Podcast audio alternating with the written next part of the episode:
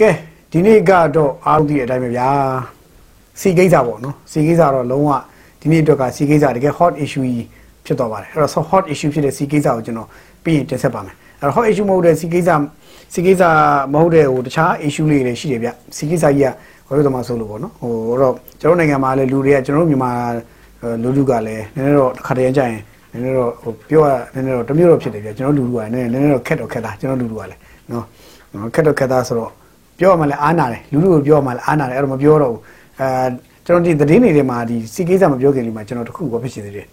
ကျွန်တော်ဒီတရက်နေ့တော့ကျွန်တော်စောင့်ကြည့်လာတာပေါ့နော်လွန်ခဲ့တဲ့3-4ရက်လောက်ကစပြီးပြန်လာတဲ့သတင်းတခုရှိတယ်အဲဘာလဲဆိုတော့အာအမျိုးသမီးတွေအားလုံးနဲ့တော်တော်များများပတ်သက်တယ်သူဘာလဲဆိုတော့အမျိုးသမီးတွေဆိုကိုဝင်ဆောင်အမျိုးသမီးတွေအားလုံးတော်တော်များပတ်သက်တဲ့ကိစ္စပေါ့ကျွန်တော်အဲ့ဒါလေးကိုကျွန်တော်လည်းဟိုအကြမ်းမြင့်လေးကျွန်တော်ပြောကြည့်ချင်တာပေါ့ပြောကြည့်ချင်တာတနေ့လေးပေါ့ဒါဘာလဲဆိုတော့ညာဒီဆရာကြီး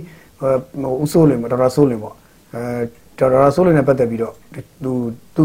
သူ့ရဲ့ sexual sexual harassment လုပ်ခံရတယ်ပေါ့ဗျာ sexual harassment လုပ်ခံရတယ်ဆိုပြီးတော့အမျိုးသမီးအချို့ကနေပြီးတော့အာဝိုင်းတင်ထားတဲ့ဟာလေးပို့စီပြန့်တာတွေ့ရတယ်အဲ့မှာဆရာကြီးဘက်ကရက်တည်ပြီးတော့မဟုတ်ဘူးဆိုလို့ပြောတဲ့လူရှိတယ်ဟုတ်တယ်လို့ပြောတဲ့လူရှိတယ်မျိုးစုံပေါ့ဗျာအဲ့တော့ဘလို့ဖြစ်ဖြစ်ကျွန်တော်တော့ဟိုဒီကိစ္စမှာတော့ကျွန်တော်ဒီဒီ harassment လုပ်ခံရပါတယ်ဆိုတဲ့အမျိုးသမီးဒီအဲ့အုပ်စုတွေဘက်ကိုလည်းသူတို့လည်း နားလဲပါတယ်သူတို့သူတို့လည်းနားလဲဒီခါဆရာကြီးရဲ့ကိုကိုကျင့်သိက္ခာနဲ့ဒီဂုဏ်သိက္ခာကိုလည်းကျွန်တော်နားလဲတယ်အချင်းတွေကတချို့ကိစ္စတွေကနားလဲမှုလွဲ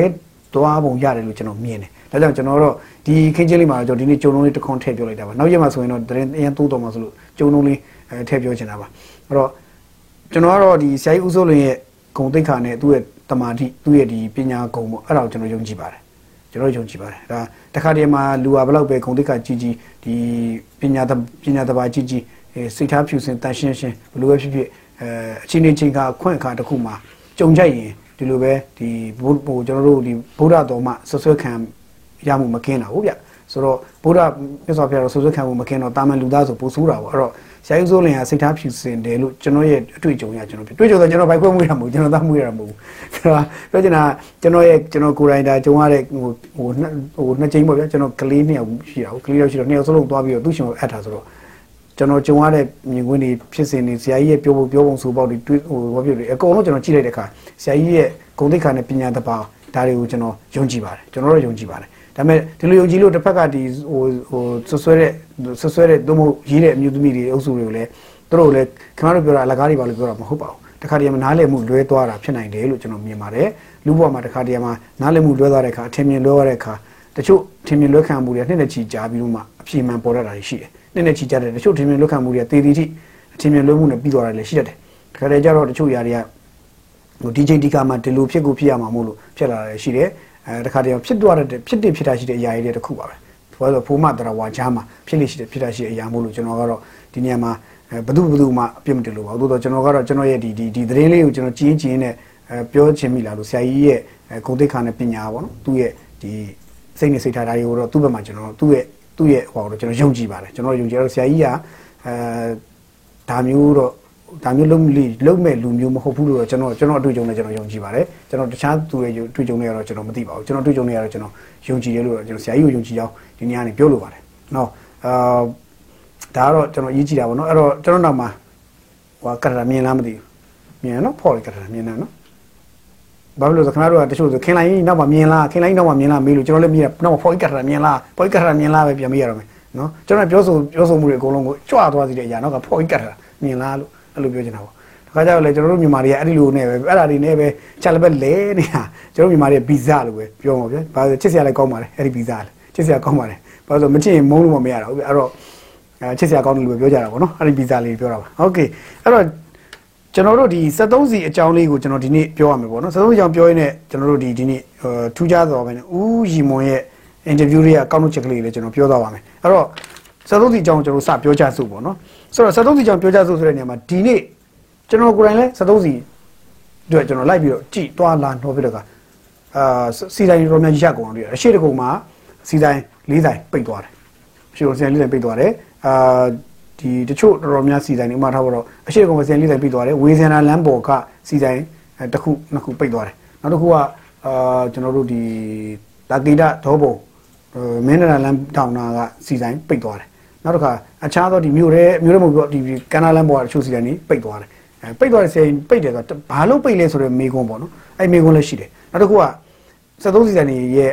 ဒီခင်ချင်ဒီနေ့73စီစီပြဿနာပေါ်လို့ရနေခြင်းအကြောင်းရင်းနောက်ွယ်မှာ ဘာတွေရှိတယ်လဲဆိုတာတော်တော်စိတ်ဝင်စားဖို့ကောင်းပါတယ်တကယ်စိတ်ဝင်စားဖို့ကောင်းတဲ့ခင်ချင်တွေရှိပါတယ်ကျွန်တော်တို့အားလုံးကိုခြုံပြီး overall တစ်ခုနဲ့ပြောရရင်တော့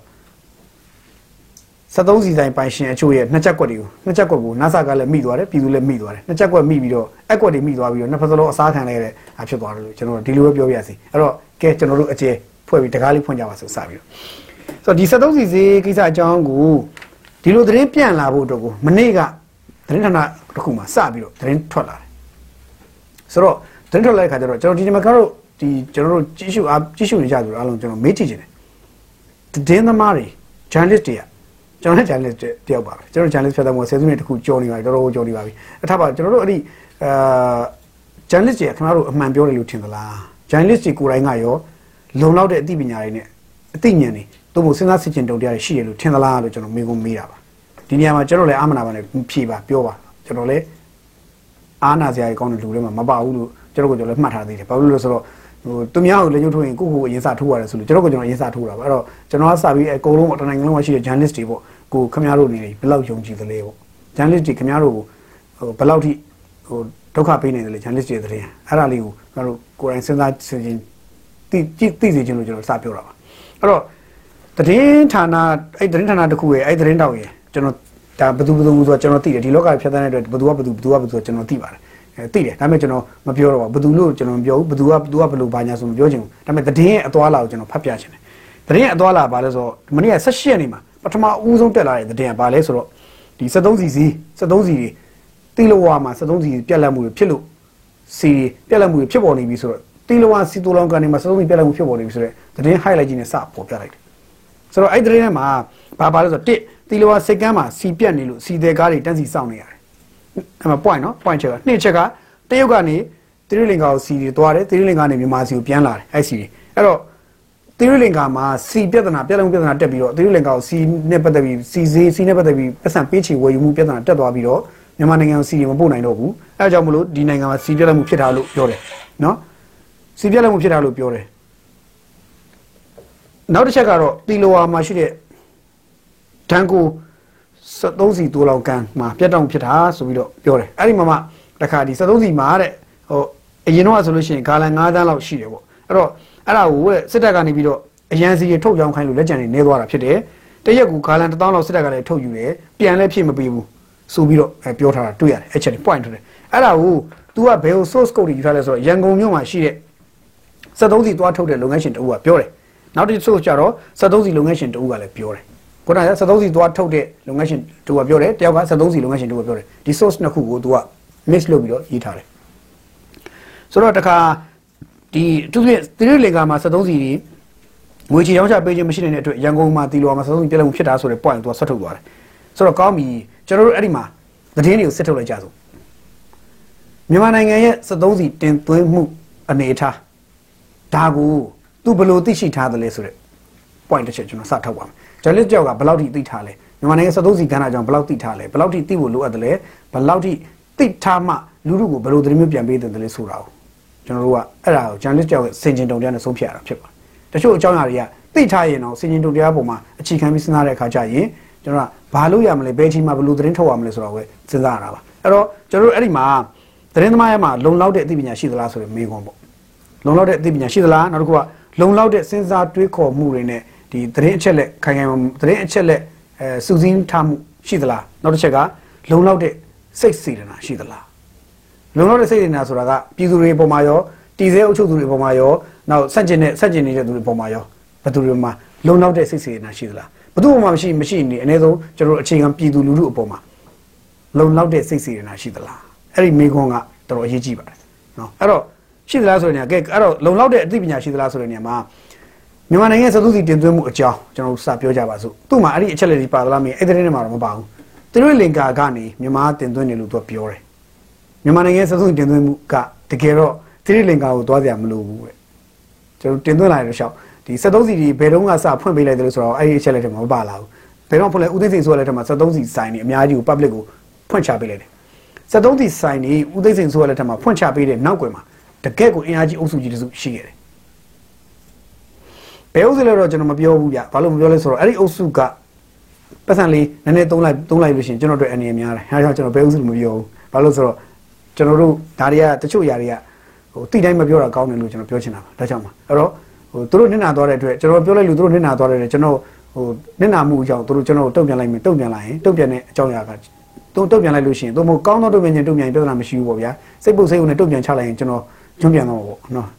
ကျွန်တော်ပြောချင်တာဒီနိုင်ငံမှာရန်ကုန်မြို့မှာတခြားနေရာမှာနေရာတစ်ခုမှာလူတစ်ယောက်ကိုဒုက္ခပေးဖို့အတွက်သိမခက်ခဲရတဲ့ခက်ခဲကိုရောက်နေတဲ့အတွက်ကျွန်တော်ဘယ်ဆွဲစည်းလို့ပြောတော့ပါအဲ့တော့ဦးသိန်းစင်တို့ဆိုရလက်ထက်မှာဒီ73စီတွေနဲ့ပတ်သက်ရင်အင်အားကြီးကြီးအုပ်စုရှိတယ်အဲအုပ်စုတွေကနေအဲ့ဒါကိုကင်ထားတယ်73စီဖွင့်ချပေးလိုက်တဲ့အချိန်မှာတို့ကဒီစီတိုလောင်ကန်ကြီးတွေအများကြီးရှိတယ်တို့စီဆိုင်အများကြီးမရှိရင်တော့စီတိုလောင်ကန်ကြီးကြီးတွေတော့လောက်ထားတယ်သူကရှင်းရှင်းလေးစီဆိုင်အများကြီးရှိတယ်မလို့စီတိုလောင်ကန်အကြီးတွေလောက်ထားလို့ရှိရင်နိုင်ငံခြားသွင်းတဲ့စီတိုလောင်ကန်ကနေကန်တဲ့ထက် ပြီးရတယ်အဲ့အနေပြီးဘတ်ဆိုပြီးတော့စီကိုရောင်းထုတ်လိုက်ရင်တို့ကထိုင်ရောင်းပြီးရင်တို့ရှယ်နေတစ်ဆင့်ပြန်ဝယ်ရောင်းတဲ့သူတွေအကုန်လုံးကသူ့ရှယ်ပြန်ဝယ်ရမှာ။ तू ကမရောင်းချင်မရောင်း तू ရောင်းချင်ရောင်းတယ် तू ကစားချင်တယ်လို့ကစားလို့ရတယ်ခက်တခက်ပေါ့။အဲဒါမျိုးလားဥသိစင်ဆိုတာခက်မှာ။ဆိုတော့အဲ့ဒီအချက်လက်မျိုးသူ့မှာရှိသလားလုံးလုံးတဲ့ဟာမျိုးဖော်ပြပေးသလားပြည်သူစေနာရှိသွားတယ်ဖော်ပြပေးသလားဆိုတော့မိကုန်မပါလာ။ Okay အဲ့တော့ဘယ်ကနေတင်သွင်းတာလဲဆိုတော့ကျွန်တော်တို့နိုင်ငံအဲ့ဒါစင်ကာပူကနေတင်သွင်းပါတယ်။စင်ကာပူကနေတင်သွင်းပါအဲ့တော့စင်ကာပူကစီထွက်လာလားဆိုမဟုတ်ဘူး။ စင်ကာပူမှာစီတိုလောင်ကန်တန်းချီမီလီယံချီဘီလီယံချီဟောပြနေတဲ့မီလီယံချီဘီလီယံမီလီယံချီဟောပြနေတဲ့ storage ကြီးကြီးတွေစီတိုလောင်ကန်ကြီးတိမ်ကြီးကြီးတွေရှိတယ်။အဲ့တော့သူအဲ့ဒီကနေကျွန်တော်တို့ကစီစင်ကာပူမှာဒီကျွန်တော်တို့ဂျားကန်တစ်ဆင့်လာပြီးတော့စင်ကာပူတစ်ဆင့်အဲ့မှာတူလောင်တူလောင်တော့မဟုတ်တခြားသက်ဆိုင်ရာနဲ့ third party နိုင်ငံတွေကနေဖြတ်တန်းပြီးမှစင်ကာပူဖြတ်မှကျွန်တော်တို့စီကိုလာတယ်ကျွန်တော်တို့ကစင်ကာပူကကုမ္ပဏီကြီးတွေရဲ့ဈေးဖြတ်မှုပေါ်မူတည်ပြီးတော့73စီတင်သွင်းမှုတွေလုပ်ရတာအဲ့တော့ကျွန်တော်တို့ရှိလာတာစင်ကာပူကနေပဲလာတာပါ ခေတ်ဆက်စင်ကာပူကနေလာတာပါအဲ့အစိုးရတွေဥပဒေအစိုးရလာစဖွင့်ပေးကြတဲ့စင်ကာပူကနေပဲလာတာသူတို့လင်ကားကလာတယ်ဆိုတော့သတင်းချက်လက်ကလုံးဝလုံးဝမှားယွင်းနေပါတယ်လုံးဝလုံးဝမှားယွင်းနေပါတယ်အဲ့တော့အချက်လက်တစ်ချက်မှာစမှားယွင်းနေလို့ပြောချင်ပါတယ်နောက်တစ်ချက်တခါဒန်ကိုစီဆိုင်မှာစီတိုလောင်ကံမှာပြက်လက်မှုဖြစ်တယ်လို့သူပြောတယ်ဒန်ကိုစီဆိုင်ရဲ့ပိုင်ရှင်တကယ်ပိုင်ရှင်ကဥချစ်ခိုင်အားလုံးသိတဲ့အတိုင်းပဲဥချစ်ခိုင်သူဥချစ်ခိုင်ဆိုဥချစ်ခိုင်သူ့ရဲ့ဆိုင်ပြက်လက်မှုဖြစ်တယ်ဆိုပြီးစရှိတယ်ဘာလို့ဒန်ကိုဆိုပြီးခေါင်းစဉ်တက်တယ်လဲပေါ့တကယ်တော့အဲ တီလိုမှာစီတိုလောင်ကံပိုင်ထားတဲ့ကုမ္ပဏီပေါင်းက10ခုလောက်တော့ရှိတယ်လို့ကျွန်တော်သိထားတယ်အဲ10ခုတောင်ကချင်မှာကလိမ့်မယ်ထင်ပါတယ်ဗျာရှင်းပြောတော့ဟိုမျက်မြက်တာမုံလိုဟာမျိုးတွေရှိတယ်တာမီနယ်ဆိုတဲ့အုပ်စုလည်းရှိတယ်တာမီနယ်အုပ်စုမရှိတယ်မိမိပေါ့မိမိမိမိနဲ့သားများပေါ့မိမိရဲ့သားများပေါ့နော်မိမိအနေဖြင့်မိမိရဲ့သားများကိုယဉ်ကျေးလိမ္မာအောင်ဆုံးမထားသည်အဲအဲစကလုံးလေးကျွန်တော်ပြန်သုံးပြစီယဉ်ကျေးလိမ္မာအောင်ဆုံးမထားသည်မိမိအနေဖြင့်မိမိရဲ့သားများကိုယဉ်ကျေးလိမ္မာအောင်ဆုံးမရင်းဖြင့်မိမိရဲ့သားများဟာအာမိမိရဲ့သားများဘီလီယံနာတွေဖြစ်လာကြသည်ပေါ့နော်ဘီ လီယံနာဖြစ်အောင်မိမိရဲ့သားများဒီလေအဲလွတ်တက်ကြတဲ့ကြသည်ပေါ့နော်အဲ့လိုပေါ့နော်အဲ့တော့တာမီနယ်အုပ်စုလည်းရှိတယ်နောက်တစ်ခါဒီပူမန် energy လိုဟာမျိုးတွေလည်းရှိတယ်အခြားသောနိုင်ငံခြားကုမ္ပဏီကြီးတွေလည်းရှိတယ်အဲ့တော့ဆယ်ခုထက်မနည်းရှိနေကြတယ်ဘာလို့သူ Django စီစဉ်ကို highlight လုပ်တယ်လဲဆိုရင် point ရှိပါတယ်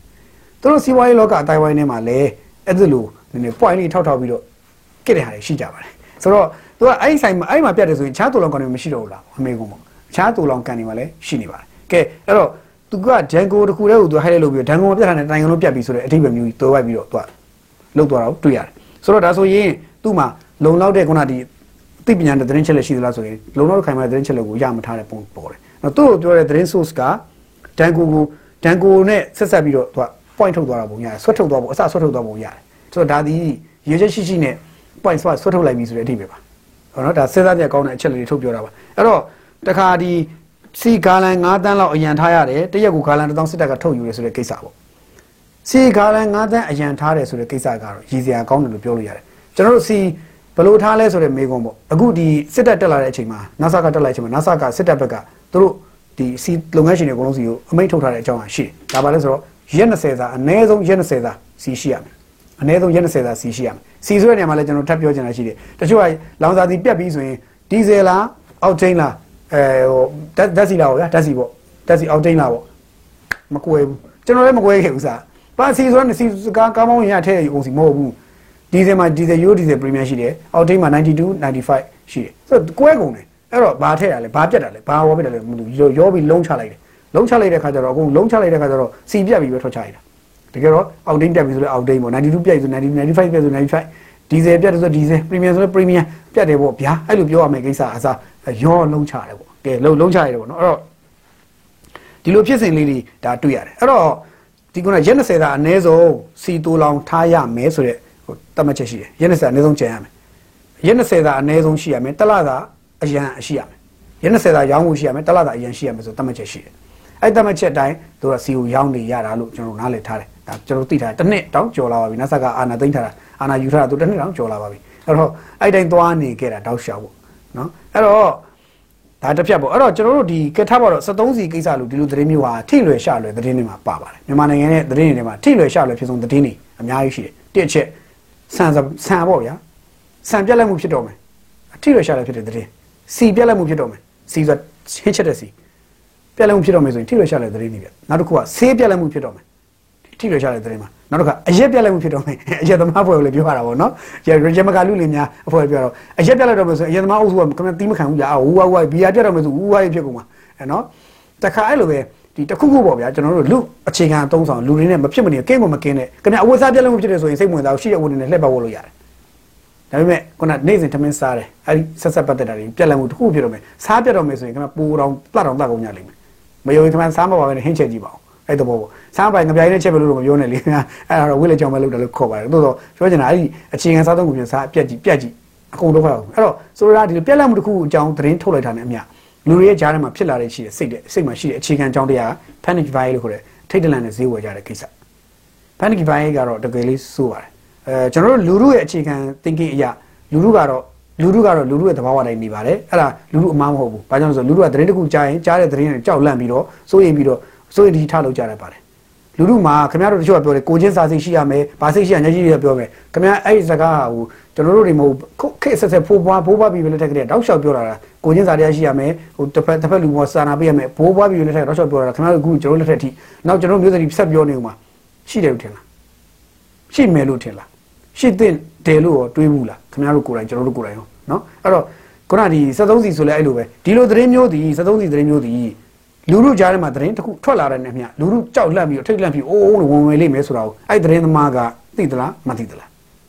သိတယ်ဆိုရင်သိသိချင်းနဲ့လုပ်တယ်ဆိုရင်လူလူကိုဗာလဲအကြောက်တရားတွေနဲ့အိုးတိုင်းဝုန်းဝန်းဖြစ်စေချင်တာလားလူလူစူးအုံကြောင့်ဖြစ်စေချင်တာလားမသိဘူးဆိုရင်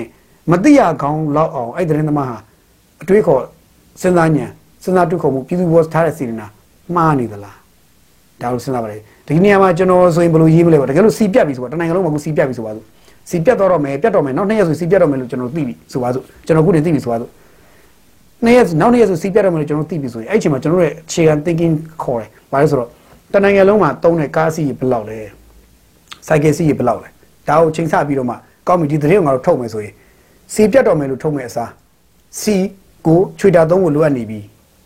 စီချွေတာသုံးမှဖြစ်တော့မယ်ဘာလို့ စီချွေနောက်ထပ်ရောက်မဲ့ဟာအချိန်နောက်ထပ်ကာလရဲ့အချိန်ကတွက်ပြီးတော့မှစီကိုတစ်ရက်ကို1လီတာပဲ limit လုပ်ပြီးသုံးဖို့လိုတယ်2လီတာ limit သုံးဖို့လိုတယ်3လီတာသုံးဖို့လိုတယ်အဲ့လိုသတ်မှတ်ချက်ကလေးတစ်ခုကိုကျွန်တော်တို့က point ပြပြီးတော့ဘာကြောင့်လိုအပ်တယ်ဆိုတာကို point ထုတ်ပြီးတော့မှလူတွေကိုခုနဒီအထိတ်အလန့်မဖြစ်အောင်လို့ဖြည်းဖြည်းချင်းသတင်းနဲ့ဖြည်းဖြည်းချင်းဖြော့ပြရတယ်စိတ်ခံစားချက်ကိုပြောင်းမတော့စိတ်ခံစားချက်မှာကြောက်တဲ့အကြောက်တရားတွေဖြစ်မှာတော့စိုးရိမ်စိတ်တွေထစိုးရိမ်တကြီးထမလို့အောင်လို့အကြောက်ပါးပါးလေးကျွန်တော်တို့ကလူလူကို message ပေးရတယ်လို့ခေါ်တယ် မဟုတ်ရင်ကျွန်တော်လူလူကိုတော့အဲ့လိုပြောလိုက်အဒုံးတိတဲကြီးပြောချလိုက်လို့ရှိရင်သတင်းဆိုတာအကုန်လုံးဒုံးတိတဲကြီးပြောချလိုက်ရင်လူလူဆိုတာအကြောက်တရားတွေနဲ့စိုးရိမ်စိတ်တွေနဲ့နေတတ်ကြတဲ့လူတွေဖြစ်တဲ့အတွက်ခုနလိုမျိုးအလုံးကြီးဖြစ်တယ်အဲ့ဒါခုနပြောရပြည်သူပေါ်ထားတဲ့စေတနာဆိုအဲ့ဒါပြည်သူလူထုကအနည်းဆုံးတော့ဒီနေ့တနေ့လုံးမှာအကုန်လုံးတန်းစီတိုးပြီးတော့အာကားတွေနဲ့ဟိုးကြောက်တာပေါ့ဗျာခင်ဗျာကြောက်တာမှ UN အောင်ကြောက်တယ်ခင်ဗျာစိုးရင်တမခါကြီးတော့ကြောက်ပါတယ်ဆိုခင်ဗျာကျန်တာပြောတယ်စိုးရင်တမခါကြီးတော့ကြောက်သလားမသိဘူးသိတယ်မလား UN ကားကြီးနဲ့စီပွေးပါဘုံကြီးတင်ပြီးတော့မောင်းဝါဓာတ်ပုံတော့ခံထွက်လာတယ်ခင်ဗျာ တာမန်ပြည်သူကြောက်တာမပြောနဲ့စိုးရင်တမခါကြီးဖြစ်တဲ့ကမ္ဘာအချုပ်ချာကမ္ဘာဟိုအချုပ်အချုပ်အချုပ်အချုပ်ပေါ့နော်ကမ္ဘာလုံးဆိုင်အချုပ်ဖွဲ့စည်းအသင်းဖွဲ့ချုပ်ကြီးဖြစ်တဲ့ဟိုစိုးရင်တမခ UN ကြီးတောင်မှပဲကားကြီးနဲ့ထွက်ပါတယ်ဆို UN ကားကြီးထွက်ပါတယ်ဆိုတော့ခင်ဗျာလူလူလူကြောက်မကြောက်လဲခံနိုင်မလားပေါ့ဆိုတော့ဒါမျိုးကိုလူလူကိုအထစ်တရဖြစ်အောင်လုပ်တယ်ဆိုတဲ့ဟာကလူလူပေါ်စေနာထားတာလားလို့ကျွန်တော်မေးပြရစေအဲဒါဆိုရင်လူလူပေါ်သတင်းသမားစေနာထားသလားဆိုတဲ့မေးခွန်းကဒါစပြီးရှိပြီအဲပြီးတော့သတင်းတစ်ပုဒ်ကိုဘယ်လိုရေးမလဲဘယ်စိတ်စေနာတွေရေးမှာလဲနောက်တစ်ခါ စစ်တပ်အုပ်စုကြီးပြုတ်ကျသွားရင်ပြီးရောစစ်တပ်အုပ်စုအုပ်စုကြီးလူလူစုပူသွားရင်ပြီးရောလူလူကဟိုးနဲ့ဆန္ဒပြကြရင်ပြီးရောဆိုတဲ့စိတ်နဲ့အဲ့စိတ်တစ်မျိုးနဲ့ရေးမယ်ဆိုရင်လောလောဆယ်ခံစားရမှာစစ်တပ်မဟုတ်ဘူးလူလူခံစားရတာပါစစ်တပ်ကတော့ခင်ဗျာရှင်းရှင်းလေးသူ့မှာသူ့ဟိုဟာသူ့ကလုံလောက်ပြီးသားသူ့အုပ်စုကသူ့ကသူပြင်ဆင်ထားပြီးသားခံရမှာအရင်ဆုံးခံရမှာကျွန်တော်တို့ချမှန်အခြေခံပြည်သူခံရမှာစစ်တပ်ကတုံ့ဆောက်လို့မရတဲ့လူတွေပါကွာလို့ခင်ဗျားပြောချင်ဖို့အတွက်လောဆယ်ခံရမှာပြည်သူရကော့နေအောင်ခံရတာပြည်သူကဒုက္ခဒုက္ခမျိုးစုံရောက်ရမှာပြည်သူကအဲ့တော့စဉ်းစားတဲ့အခါမှာသတင်းသမားတွေကခုနအမုန်းတက်ခံတစ်ခုတည်းနဲ့ပဲသို့မဟုတ်ကိုနာကြီးစိတ်နဲ့ ဟိုကိုယ့်ရဲ့ဟိုဟာစိတ်နဲ့ပဲဒီတစ်ဖွဲ့တစ်ဖွဲ့စီကိုထိခိုက်ပြီးရောဆိုလှုပ်ချရတာလောဆယ်အခြေခံထိသွားတာကျွန်တော်တို့ပြည်သူပါဒါကြောင့်ပြည်သူပေါ်ထားတဲ့စေနာမှန်သလားဆိုတော့မိကုန်းမေးတာပါအဲ့တော့သတင်းသမားတွေကပြည်သူပေါ်စေနာထားတာမှန်ဖို့လိုပါတယ်ကျွန်တော်လည်းကျွန်တော်ကိုကျွန်တော်အမြင်နဲ့အဲ့ဒါကိုဆင်ခြင်စဉ်းစားနေပါတယ်ဘာလို့လဲဆိုတော့ဒီလိုစဉ်းစားဆင်ခြင်နေမှကျွန်တော်သတင်းတစ်ပုဒ်ကြောင့်လူတွေဟာစိုးရိမ်တကြီးထိတ်လန့်တကြီးမဖြစ်ဖဲနဲ့လူတွေကခုနဒီစိတ်ပိုင်းဆိုင်ရာလုံခြုံမှုသို့မဟုတ်အေဂျင့်မှုသို့မဟုတ်အာစိတ်ပိုင်းဆိုင်ရာအရာပို့ပြီးတော့ဟို မြင့်မြင့်မားလာဖို့ဟိုတစ်ဆင့်တစ်ဆင့်ပို့ပို့ပြီးတော့မြင့်လာတာစိတ်ရဲ့ဟိုစွမ်းရည်မြင့်မြင့်လာတာမျိုးဖြစ်စေဖို့ကျွန်တော်ကတော့ပို့ပြီးဆန္ဒရှိပါတယ်ကျွန်တော်ကြောင့်လူလူအထိတ်တန့်ဖြစ်တဲ့ဟာမျိုးလူလူသတင်းအစိတ်တင်တာမျိုးဖြစ်လို့မရပါဘူးအခုဒီသတင်းကလူလူအစိတ်တင်သွားစေခဲ့ပါတယ်အဲဒီသတင်းရဲ့နောက်မှာဘာဆက်ဖြစ်သွားလဲဆိုရင်မိကုန်းနေစရှိတယ်ဒီသတင်းမတိုင်ခင်လေးမှာအစောပိုင်းမှာဘာဆက်ရှိခဲ့လဲဆိုတော့ဒီသတင်းမတိုင်အစောပိုင်းမှာဘာရှိခဲ့လဲဆိုတော့ဒီတကြံမကြခင်လေးမှာတက်ကထုတ်ပြန်ထားတဲ့အဲ NASA ကထုတ်ပြန်ထားတဲ့ဟာလေးရှိတယ်ဒေါ်လာဈေးထိန်းတာအားလုံးသိလိမ့်မယ်1850နဲ့ထိန်းမယ် အဲဒေါ်လာ1850ကျပ်နဲ့ထိန်းမယ်ဆိုတဲ့ကိစ္စပြီးရင်တစ်ဖက်ကအဲ့ဒါကြီးညာထားပြီးနောက်တစ်ဖက်ကဘာလဲဆိုတော့ဒေါ်လာတွေရထားပြီးရင်ဝင်လာနိုင်ငံခြားတွေဝင်လာမဲ့ဒေါ်လာဘာနည်းရတဲ့ဝင်အကုန်လုံးကိုတရက်ပဲထားပြီးနောက်ဒီမှာကြက်ငွေဖြစ်နေလဲရမယ်အဲ့ဟာပြီးလို့ရှိရင်အဲ့လဲထားတဲ့ပတ်စံကိုတော့ပြန်ထုတ်ရင်ဒေါ်လာဒေါ်လာ1850နှုန်းတစ်ချက်ကိုဒေါ်လာဒေါ်လာကိုကျပ်1850နှုန်းပြန်ထုတ်မယ်ဆိုရင်အထုတ်မဲ့ကုမ္ပဏီနဲ့ BOD လက်မှတ်ဘာဘာညာဘာညာပြားအမှအချက်လက်တွေအဲ့ဒါအကုန်ပါအဲ့ဒါပါမှထုတ်ခွင့်ရှိမယ်ရောင်းတော့ကတော့ရော့ဘုံဘောလုံးအင်းလို့ရောင်းလို့ရတယ် ထုတ်ရလေဆိုတော့ BOD လက်မှတ်တွေဟိုဟာတွေ BOD ကိုယ်တိုင်တယောက်လာထုတ်အောင်ပါလေရှုပ်ချက်ခတ်ကုန်တော့တရက်လဲရောင်းအောင်မယ်နောက်တစ်နေ့ပြန်ထုတ်မယ်ဆိုတော့အဲ့မှာခြာလက်ဘက်လဲတော့အဲ့ကုမ္ပဏီတွေကအဲ့ဒါကိုသူကကုမ္ပဏီခုနပြောတဲ့စီးပွားရေးလုပ်ငန်းရှင်တွေဆိုတာအဲ့ဒါကိုအကြက်တဲလို့သူကကြည့်လိုက်တယ် okay that's a struggle struggle so အဲ့တော့ဒါ struggle ဆိုလို့ရှိရင်ဘယ်လိုသူက how to how do ဘယ်လိုခေါ်မလဲ pass to how to how to pass the struggle ပေါ့ဒီအကြက်တဲယူသူဘယ်လိုအောင်မြင်လို့ how to success from struggle ပေါ့ဆိုတာ အောင်မြင်မလို့ယူလိုက်ပြီဒီအကြက်တဲတဲ့ဘလို့အောင်မြင်အောင်လုပ်သွားမလဲသူတို့စဉ်းစားသွားပြီသူကပုံပြီးလဲတယ်နှက်တယ်စီဝိုင်းသမားတော်များအတော်များနှက်ပါတယ်အဲတမအာဇီဝနဲ့တွားနေစီဝိုင်းသမားတွေကိုတော့ကျွန်တော်ဒီနေ့လေးစားပါတယ်လူလူမျက်နှာကိုကြည့်ရစီဝိုင်းသမားတွေကိုကျွန်တော်လေးစားပါတယ်တန်မိုးလည်းထားပါတယ်ကျွန်တော်ဘယ်နေရာဖြစ်ဖြစ်ဥညွတ်လည်းဥညွတ်ပါတယ်အဲဒါပေမဲ့ခုနဝိသမသမားတွေကြတော့ကျွန်တော်ကျွန်တော်တာမန်လူတွေလိုပဲတတ်မှတ်ပါတယ်သူသူသူလိုကိုလိုလူတွေပဲတတ်မှတ်ပါတယ်ကျွန်တော်လေးစားမှုကျွန်တော်တော့ပေးလို့မရပါဘူးတခြားလူပေးခြင်းပေးကြပါဦးကျွန်တော်ပေးလို့မရပါဘူးအဲ့တော့သူတို့ကြတော့သူကရှင်းရှင်းလေး okay စစ်တပ်ကဒီလိုထုတ်ပြန်ထားတယ်โอเคရတယ်ပြန်မှမရှိဘူးငါတို့73စီလုပ်ငန်းမှာရှိတဲ့လူတွေတဲမှာတချို့တွေကဘာလို့ရလဲဆိုတော့ဒီကိစ္စကိုပဲတည်ပြီးတော့တကြံမှာပဲစီ73စီလောင်စာစီတွေကားတင်းတဲ့ကားတွေဟိုစင်ကာပူကနေဝင်လာတယ်ကျွန်တော်သိသလောက်ဆိုရင်သူတို့ကပြောတော့73စီတန်ချိန်2000တန်နဲ့သင်္ဘော2စီးဝင်ထားတယ်လို့ပြောတယ်နောက်ဆုံးကျွန်တော်သိရတာတကယ်တော့ဝင်ထားတာ36စီးရှိတယ်တဲ့36စီးဝင်ဖို့အစင်သစ်ဒီဘက်ကိုဝင်လာဖို့ဒီရဲ့ပိုင်းနေစလိုက်ဝင်လာဖို့36စီးတော့ရှိတယ်သိရတယ် ဆိုတော့အဲ့ဒီအားနေတန်ချိန်ပေါင်း32900ကျော်လောက်ဝင်လာဖို့ရှိတယ်လို့သိရတယ်ဆိုတော့အဲ့ဒီလောက်ထိဝင်လာမှာ73စီမှာအောက်တိန်းနဲ့ဒီဇယ်နှစ်ခုပေါင်းဒီဇယ်ပေါ့နှစ်ခုပေါင်းပေါ့နော်အဲ့တော့နှစ်ခုပေါင်းကိုအဲ့လောက်ဝင်ဖို့ရှိတယ်အဲ့ဒီအတွက်ပတ်စံချေရတော့မယ်စနစ်ချေရမယ်စနစ်မှာဒီလက်ရှိရောင်းနေတဲ့စီတွေကလွန်ခဲ့တဲ့ဒီတကြံမတိုင်ခင်တည်းကဝယ်ထားတဲ့စီတွေဝယ်ပြီးတော့ဒီဘက်ပြန်ရောက်စင်ကာပူနဲ့မြန်မာနဲ့9ရက်ကြာတယ်9ရက်ကြာပြီးပြန်ရောက်မှာဆိုတော့ဒီနေ့မှာတဲ့ဟာနောက်9ရက်ကြာအဲ့စီရောက်လာမှာ အဲ့တော့ဒီနေ့မှာရတဲ့ဒေါ်လာဈေးနဲ့နောက်9ရက်ကြာဒေါ်လာဈေးပြောင်းသွားတဲ့ခါကျရင်တို့ရှုံးမှာအဲ့ဒါကြောင့်တို့ကချိန်တယ်ချိန်ပြီးတော့စသုံးစီဆိုင်ကုမ္ပဏီကဘာလို့ရလဲဆိုတော့ဒီကိစ္စကိုတည့်ပြီးတော့ကစားဖို့ကြိုးစားတယ်စစ်တပ်ကပတ်စံထုတ်မပေးလို့ဒေါ်လာတွေအလွယ်တကူထုတ်မရအောင်လို့ငါတို့က73စီကိုရန်တမ်းပြီးတော့မယောင်းရတော့ဘဝရောက်သွားပြီတစ်ဖက်ကပတ်စံချေဖို့မှာခက်ခဲဖြစ်သွားပြီအဲ့ဒီတော့ငါတို့တွေအနေနဲ့စီကို limit လုပ်ပြီးကန့်သက်ပြီးရောင်းပါတယ်ဆိုပြီးတစ်ဖက်ကပြင်းတယ်တစ်ဖက်ကဘာလဲဆိုတော့ ခုနကျွန်တော်ပြောတဲ့ကစားတဲ့အုပ်စုကခုနကျွန်တော်ပြောတဲ့ဒီစီသောလုံးကန်အကြီးတွေ heavy တွေပိုင်တဲ့အဲအဖွဲ့တွေပေါ့ဗျာအဲ့ဒီအုပ်စုတွေကဘာလုပ်လဲဆိုတော့ခုနသတင်းကိုတစ်ဖက်ကနေပတ်ဆိုပြီးတော့သတင်းသမားစီကိုပို့ပေးလိုက်တယ်သတင်းသမားကိုဂျင်းပဲထဲတာလားသတင်းသမားနဲ့ပေါင်းလုပ်တာလားတော့ကျွန်တော်မသိဘူးထဲသတင်းပို့လိုက်တယ်ပို့တဲ့အခါမှာအဲ့ဒီသတင်းကိုသူယူလာပြီးတော့အဲ့ဒီသတင်းကိုပတ်သူတနေရာမှာဖြန့်လိုက်တယ်ဖြန့်တဲ့အခါမှာအဲ့ဒါနဲ့ပြောင်းသွားတဲ့ခါမှာလူတွေကြောက်လန့်သွားတယ်အဲ့ချိန်မှာလူတွေအိုးအိုးအိုးနဲ့ဆိုင်စီဆိုင်နေစီကိုပြုံထွက်လာကြတယ်ပတ်စံတို့တွေကင်ပြီးထွက်လာကြတယ်ထွက်လာကြတဲ့အချိန်မှာလည်းသူကရှင်းရှင်းလေးဘုံဘောလောရောင်းပေးဘူး တခါတည်းမှာဘုံဘောလောရောင်းပေးတယ်ဆိုတာခင်ဗျားတို့မြောက်မြောက်ပုံရင်းနဲ့တူတယ်မြောက်ပုံရင်းဆိုတာဟိုဒီရွာမှာမြောက်တွေဘယ်နှကောင်ရှိလေဝယ်မယ်ဆိုတဲ့ပုံစံပုံမြင်ကြားဘူးလို့ထင်တယ်နော်မြောက်ပုံမြင်လို့ပဲဆိုတော့မြောက်တွေတကောင်9000ပေးမယ်နောက်1000ပေးမယ်1000ခွဲပေးမယ်3000ပေးမယ်9000ပေးမယ်နောက်ဆုံး9000ပေးမယ်ဆိုတဲ့အချိန်လေးရောက်ထိတော့ကောရွာသားတွေက9000နဲ့မရတဲ့ဟာကျတော့3000နဲ့ပြန်ဝယ်မယ်ကွာဆိုမြောက်ကွာစီပြန်လှည့်ဝယ်တဲ့ပုံမြင်ရှိတယ်လေနောက်ဆုံးကျရွာသားတွေအကုန်လုံးအိတ်ထဲမှာမြောက်တွေပဲပိုက်ပြီးကြံခဲ့ရတယ်ပတ်စံတစ်ချက်မှမရှိတော့တယ်ကွာလို့အဲ့ပုံစံမျိုးအကွက်လိုပဲလာတက်လာသမျှ စီဇန်တွေအကုန်လုံးကိုစီဇန်တက်လာတဲ့ကားဟွာတွေအကုန်လုံးမရောင်းပေးဘူး9000ဘိုးပဲရောင်းပေးမယ်3000ဘိုးပဲရောင်းပေးမယ်2000ဘိုးပဲရောင်းပေးမယ်ဆိုပြီးတော့အဆင့်လိုက်ဆင့်လိုက်သူကလုတ်လိုက်တယ်လုတ်လိုက်တော့အကုန်ကပိုလန့်သွားတယ်အဲ့မှာပိုလန့်ကုန်တယ်လူတွေကသတင်းကတစ်စက်တစ်ကြာကြီးလန့်ပိုလန့်ကုန်ပြီးတော့လူတွေကအဲ့ဒီမှာအကုန်ပြုံတိုးပြီးတော့ကားတိုင်းကြီးကမိုင်နဲ့မိုင်တမိုင်သာလောက်ရှည်ရတဲ့ကားတိုင်းကြီးဖြစ်ကုန်ရောတချို့နေရာတွေမှာဆိုပြီးပြောတာပါအဲ့တော့ ကားတွေနှစ်ထပ်လေးဖြစ်တမိုင်ကြီးလောက်ရှိတဲ့လမ်းတွေဖြစ်အဲ့တော့စီဆိုင်တချို့စီဆိုင်ဆိုတာအနည်းဆုံးစီဖြည့်တဲ့အပေါက်၄ပေါက်၃ပေါက်၄ပေါက်လို့ထားတဲ့ဟာတွေအဲ့ဒါတော့တိုင်အဲ့ဒါတော့ခုနတမိုင်ကြီးလောက်ရှိတဲ့ရင်တိုင်းကြီးဖြစ်ကုန်တယ်အဲ့တော့ဘယ်လိုပြောရမလဲဆိုတော့ဒါကဘာလဲဆိုတော့လှလှပပလေးလူလူချက်ကစားလိုက်တာလို့ခေါ်ပါတယ်လှလှပလူလူချက်ကစားလိုက်တာလို့ခေါ်ပါတယ်အဲ့တော့တစ်ဖက်မှာစစ်တပ်ကအလိုလိုနည်းနဲ့ဒေါ်လာသူတို့မရောင်းပေးလို့ငါတို့က ထိမ့်ပြီးရောင်းရပါတယ်မဟုတ်ရင်ငါတို့စီမတော်တဆပတ်စံဟိုဘက်ကမချင်နိုင်လို့စီထပ်မသွင်းနိုင်ရင်စီပြတ်သွားလို့ရှိရင်အဲ့ကြရင်ငါတို့ကနေတိုင်းလူလူဆဲရခံရလိမ့်မယ်အဲ့တော့ငါတို့အနေနဲ့စီကိုကန့်တက်ပြီးရောင်းရတာပါစစ်တပ်ကဒေါ်လာရောင်းမပေးလို့ပါဆိုပြီးတော့လုပ်လိုက်တယ်ဒါပေမဲ့သူတို့ဈေးကိုအမြင့်ဆုံးဆွတ်တင်ပလိုက်တယ်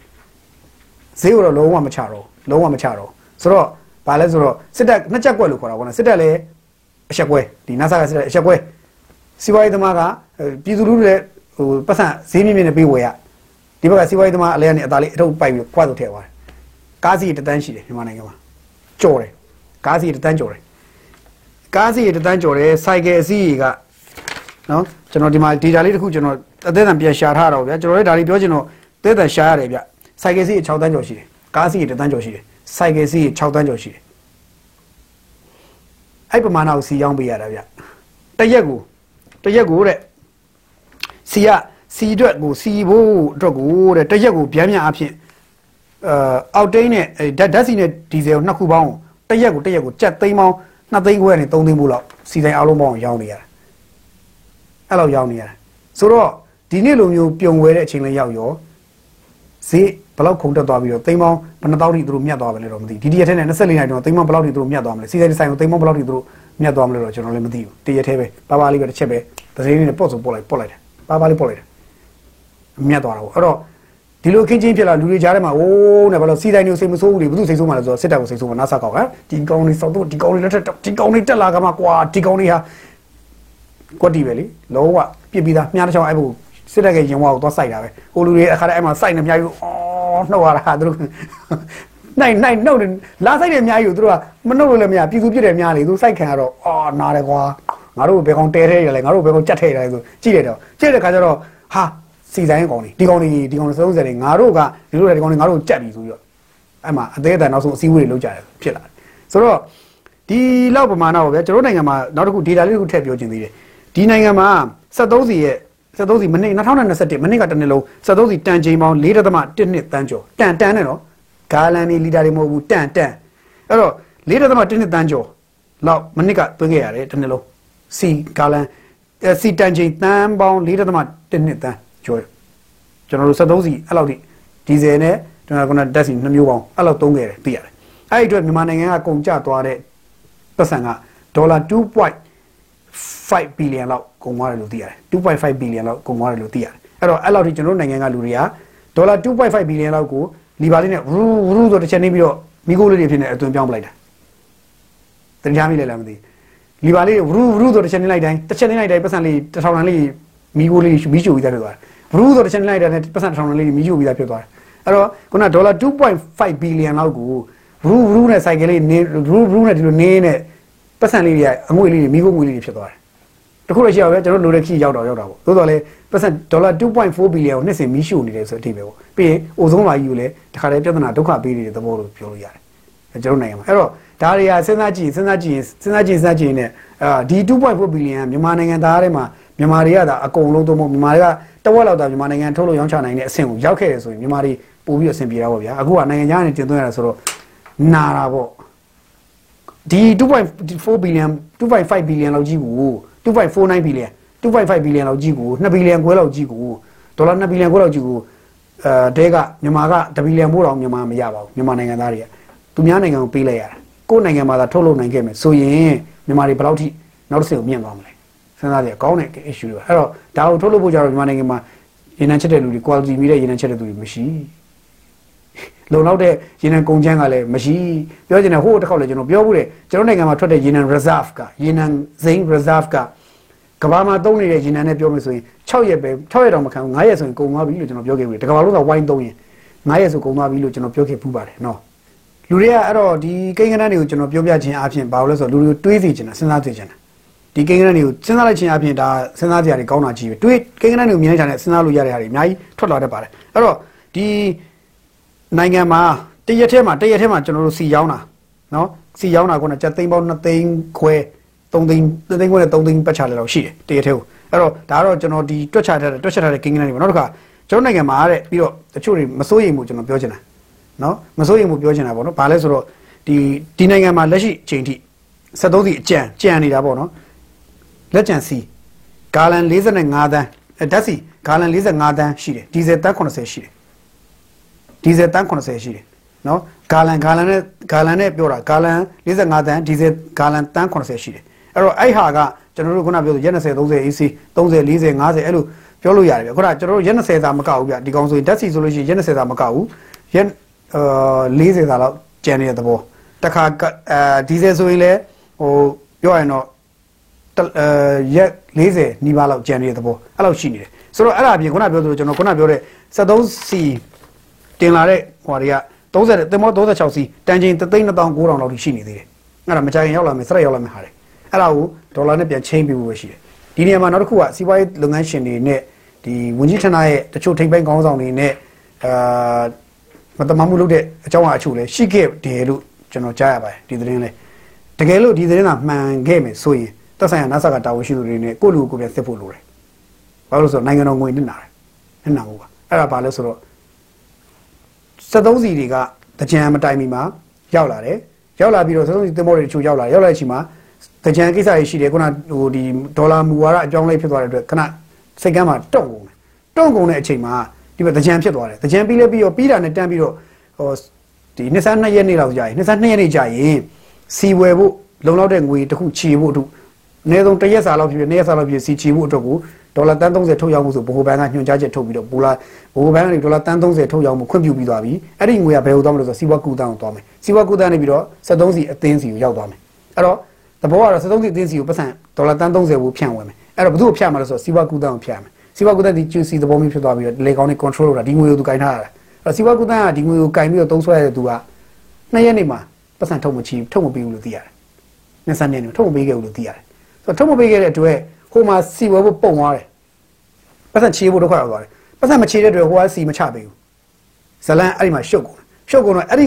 လိုဖြစ်သွားအောင်အဲ့ဒီလိုတစ်ချက်ကလေးပတ်ကနေလှစ်ကနေကစားသွားအောင်ဒီစက္ကန့်ပိုင်းအနိုင်ပိုင်းမိနစ်ပိုင်းလေးဒီလိုကစားလိုက်တဲ့အတွက်ဒီမှာစီဘိုးစီဘိုးတွေပြည်သူတွေပုံအိုးပြီးတော့လိုက်တဲ့ပတ်စံတိမ်မောင်းတောင်းနေချီဟာဟိုကအဲ့စီလုံငန်းရှင်တွေကတိမ်မောင်းတောင်းနေချီပြီးတော့မြတ်သွားတယ်အဲ့စီလုံငန်းရှင်တွေမမြတ်ဘူးဆိုလို့ရှိရင်တော့သူတို့ကျုံကနာပြောသူတို့ဘာလဲခေါ်တော့ဘာခေါ်လဲဗျသူတို့ဒါဆိုရင်တော့ မင်းသားကောင်းစွတ်ထားတာလို့ပဲပြောချင်ပါတယ်တေချာတော့သူမင်းသားကောင်းစွတ်ပြီးတော့ငိုပြတာလို့ပဲပြောချင်ပါတယ်တေချာပေါက်မမြတ်ဘူးဆိုရင်တော့ကျွန်တော်တို့ပြုံးပြုံးလေးပဲကြည်နေပါမယ်ဟုတ်ဆိုကျွန်တော်တို့ဗျာဒီတည်းရဲ့အဲ့လို panic ဘိုင်းဖြစ်သွားလို့ panic ဘိုင်းဖြစ်တော့ကျွန်တော်ရှုံးသွားတယ်ဗျာဆိုရင်ကျွန်တော်ပြုံးပြုံးလေးပဲကြည်နေမယ်ခင်ဗျားတို့ရှုံးနေဆိုတာဗျာခင်ဗျားတို့ရှုံးနေဆိုတာကဟိုဒရုံသားခွက်ပြောက်တဲ့အဆင့်တော့မရှိပါဘူးနော်အဲ့တော့ဟိုခင်ဗျားတို့မြတ်တယ်ဆိုတာကတော့ခင်ဗျားဒရုံသားဟိုဟိုရွှေလက်စုပ်အပက်အကျဲခံတယ်တွားတူပါတယ်နော်ခင်ဗျားတို့မြတ်တယ်လို့ပြောတာနော်အဲ့တော့အဝေးကြီးပါအဲ့တော့ တော်တော်လေးတော့ဒါဒီနေရာမှာကျွန်တော်စီးပွားရေးဝိသမစီးပွားရေးလောဘသမားတွေကိုတော့ကျွန်တော်နည်းနည်းလေးတော့ချင်တယ်လို့ပြောချင်ပါတယ်။ဘာလို့ဆိုတော့ခင်ဗျားတို့ဆင်ကျင်တဲ့တယ်လို့လည်းကျွန်တော်အသိပေးချင်ပါတယ်။ဘာလို့ဆိုတော့တချို့ຢာတွေခင်ဗျားတို့ရတဲ့တော့ရခဲ့ကြပြီးပြီ။ဘာလို့ဆိုတော့1ဒေါ်လာနဲ့ဒေါ်လာကိုဒီဘိုးဘန်းထုတ်ပေးတဲ့အချိန်မှာဘိုးဘန်းထုတ်ပေးလိုက်တဲ့အချိန်မှာခင်ဗျားတို့အဲ့မှာတစ်ခါမြတ်ပါတယ်။နောက်စီဟိုဘက်ကဝယ်တယ်ဝယ်ပြီးပြည်သူလူထုတစ်ခါပြောင်းတဲ့ခါမှာတစ်ခါမြတ်ပါတယ်။နှစ်သီးစားနှစ်ခါမြတ်ပါတယ်။ဈေးကွက်ကိုဘတ်ဆိုတစ်ချက်လှုပ်လိုက်တဲ့အချိန်မှာလည်းတစ်ခါမြတ်ပါတယ်။ဆိုတော့ခင်ဗျားတို့ဘာလို့လို့မြတ်နေတာပဲဗျာနော်။ဟို လူတို့ကိုတနာတင်တာပေါ့နော်လူတို့ကိုတနာတင်ခင်ဗျစစ်တပ်ကိုမစာနာရင်နေမတနာရင်နေလူတို့ကိုတော့တနာတင်တာပေါ့လူတို့အခုဒီနေ့လိုမျိုးတခါလေနေဘူးကြဲကြဲကြီးများဗျာဟိုစီပြက်နေတဲ့ကားကိုမောင်းပြီးတော့အသက်တိုင်ပြီးကားလေတန်းစီတိုးမရတော့လားမရဘူးလားရောက်မှမပြောတော့ကြောက်လန့်နေရတဲ့ဘဝကြီးကိုတော့ခင်ဗျတုံးမပုတ်တင်ဘူးလို့ကျွန်တော်တို့ပြောချင်ပါတယ်အဲ့တော့ဒီခင်းချင်းကအဲ့လိုဖြစ်သွားတယ်နောက်တစ်ခုကအာဒီကြားထဲမှာနောက်ထပ်ဟိုထူးခြားတဲ့အဲဖြစ်စဉ်အချို့လဲကျွန်တော်တို့သိသလောက်ရှိခဲ့တယ်လို့သိရတယ်အဲဒီကြားထဲမှာဟိုအစိုးရဘက်က NASA ဘက်ကအားနေချက်ကတော့ရှင်းရှင်းလေးမြင်ရရင်တော့ ဒေါ်လာဈေးကိုတွားပြီးတော့ထိန်းချုပ်လိုက်တဲ့ကိစ္စပြီးတော့ပြန်ထိန်းချုပ်တာထိန်းချုပ်ပြီးသွားလို့ရှိရင်ပြန်လွှတ်ပေးတဲ့နေရာမှာစီကံချတဲ့ပုံစံလွဲတကယ်လို့ကျွန်တော်ယူဆတယ်လွဲခဲ့တယ်လို့ယူဆတယ်ဘာလို့ဆိုတော့သူတို့ဒီလိုစီကံလွဲခဲ့လို့စီဝိုင်းသမားအဲ့ဒီပေါ်နေအကြောင်းလေးတွေကနေတတ်ရှုဝင်ပြီးတော့ခွင်ရှာသွားတယ်လို့ကျွန်တော်မြင်တယ်ဒါတော့ဘာလဲဆိုတော့ဒီနေရာမှာအဲ့ဒီဒီဒေါ်လာ1850ကိုပြန်ထုတ်မယ်ဆိုရင်ဒေါ်လာတန်း30ခုနဒေါ်လာတန်း30ပြန်ထုတ်မယ်ဆိုရင်တော့အဲ့ဒီမှာထုတ်ရမဲ့အဲထုတ်ရမဲ့ အဲဒေါ်လာ30ကိုတရက်စာဒေါ်လာတရက်စာတော့နှစ်ရက်စာဒေါ်လာ30တော့ပြန်ထုတ်မယ်ကိစ္စကိုထုတ်ရမယ့်ဟာကိုခုနအလေကောင်းနေပြီးတော့အလေကောင်းနေကစားသွားတဲ့သဘောလို့မြင်ရတယ်အဲ့တော့မူဝါဒရေးရအရဒါမူဝါဒရေးရတချို့ຢာတွေကဝင်မရှုပ်တဲ့တော့ဥမာ POD member တယောက်ပါရမယ်တယောက်ကကိုယ်စားလှယ်တယောက်တက်လာပြီးတော့လက်မှတ်ထိုးတခြားဘာညာလုပ်ပြီးတော့ထုတ်ရမယ်ဆိုတဲ့ဟာကြီးကသူလုံလောက်တဲ့ budget ငွေလုံလောက်တဲ့ဒေါ်လာမရလို့သူတို့ဝယ်ခက်ပါတယ်ဆိုတော့အကြောင်းပြချက်ကောင်းသွားတာပေါ့ဗျာအဲ့တော့ဒီနေ့ဒီနေ့ဂျားထဲမှာဖြစ်နေတဲ့နောက်ထပ်ပြဿနာတစ်ခုကဘာလဲဆိုတော့ဒီဂျားထဲမှာဖြစ်တဲ့နောက်ထပ်ပြဿနာက ရုရှားကနေဝင်လာမယ့်ရေနံရေနံလောင်စာစီရှိတယ်အိန္ဒိယကိုနေ့စဉ်ရုရှားရဲ့ဟိုတင်ပေါ်တွေဖြတ်ပြီးဖြတ်တန်းနေပါတယ်ဖြတ်တန်းပြီးခုံပေါင်းပြီးနေ့စဉ်ပို့နေတယ်အဲ့ဒီကနေပြီးကနေ့စဉ်ပဲဖြစ်ဖြစ်ခင်ဗျားခင်ဗျာနေသုံးကြမှာတစ်ခါဖြစ်ဖြစ်အနည်းဆုံးတော့တစ်ချိန်တစ်ချိန်တိုင်းမှာတစ်ချိန်တစ်ချိန်တိုင်းမှာနော်တစ်ချိန်ဆိုတာတစ်နေ့ရဖြစ်မယ်နှစ်ရက်ဖြစ်မယ်သုံးရက်ကြာမှတစ်ဖြစ်မယ်လေးရက်ကြာမှတစ်ဖြစ်မယ်တစ်ချိန်တိုင်းမှာတန်ချိန်တစ်သိန်းကျော်သွားပြီးတော့တည်ဆောင်ခွင့်ရှိတယ်သွားပြီးတော့ပြီးစာရုပ်ချုပ်ထားတာရှိတယ်လို့သိရတယ်အဲ့တော့ မြန်မာပြည်တော့တိုက်ရိုက်မပို့ပါဘူးတဲ့ဒါပေမဲ့ရုရှားကိုရုရှားကနေပြီးတော့အိန္ဒိယကိုပို့တယ်အိန္ဒိယပို့တဲ့ထဲမှာခွဲရဖြစ်နေမြန်မာတို့တန်ချိန်တစ်သိန်းလောက်ကိုပုံမှန်ပို့ပို့ထည့်တယ်အိန္ဒိယလည်းတန်ချိန်တစ်သိန်းလောက်တည်လာပြီလို့ဘာမှမဖြစ်ဘူးသူတို့ကအဲ့ဒီတစ်သိန်းလောက်ကိုသူတို့ထည့်ရောက်တိုင်းမြို့တစ်မြို့သားမရှိပျောက်သွားမှာတို့အဲ့တော့သူတို့ကပို့တယ်လာပြီးတယ်မဝယ်လဲသူတို့ထဲမှာပျောက်သွားတယ်အဲ့တော့သူတို့ကအဲ့ဒီအားကိုကျွန်တော်တို့ကသွားယူပြီးတော့ဒီဘက်ကတင်မောနဲ့တည်လာပြီးတော့မြန်မာပြည်မှာပြန်ချရောင်းတာမျိုးဖြစ်လာနိုင်တယ်အဲ့ဒါဖြစ်လာဖို့ရှိတယ်လို့ကျွန်တော်သိရတယ်အဲ့တင်မောတွေကလည်းမြန်မာကလည်းအိန္ဒိယတင်မောအိန္ဒိယစီကိုအခုလွတ်လိုက်ပြီလို့သိရတယ် လွတ်ထားပြီလို့သိရတယ်လွတ်ထားပြီဖြစ်တဲ့အတွက်တန်ချိန်သိန်းနဲ့ကြီးထပ်ဝင်လာအောင်မဲ့သဘောလို့ရှိရတယ်အဲ့တော့အဲ့ဒီတန်ချိန်သိန်းနဲ့ဝင်လာလို့ရှိသိန်းနဲ့ကြီးဝင်လာရင်အဲ့ဒီမှာဂျီနန်နဲ့တက်တက်စီပေါ့နှမျိုးစလုံးပေါ့သိန်းနဲ့ကြီးဝင်လာရင်ဒီမှာလက်ရှိပေါက်နေတဲ့2000ကျော်သွားတဲ့အဲ2000ကျော်ရတဲ့ premium နောက်2000နာကတ်လာတဲ့2000နာကတ်နေတဲ့ဒီဓာတ်စီပေါ့အဲ့ဒီဟာကခုနဒေါ်လာဈေး1850အောက်ကိုပြန်ရောက်သွားပါလိမ့်မယ်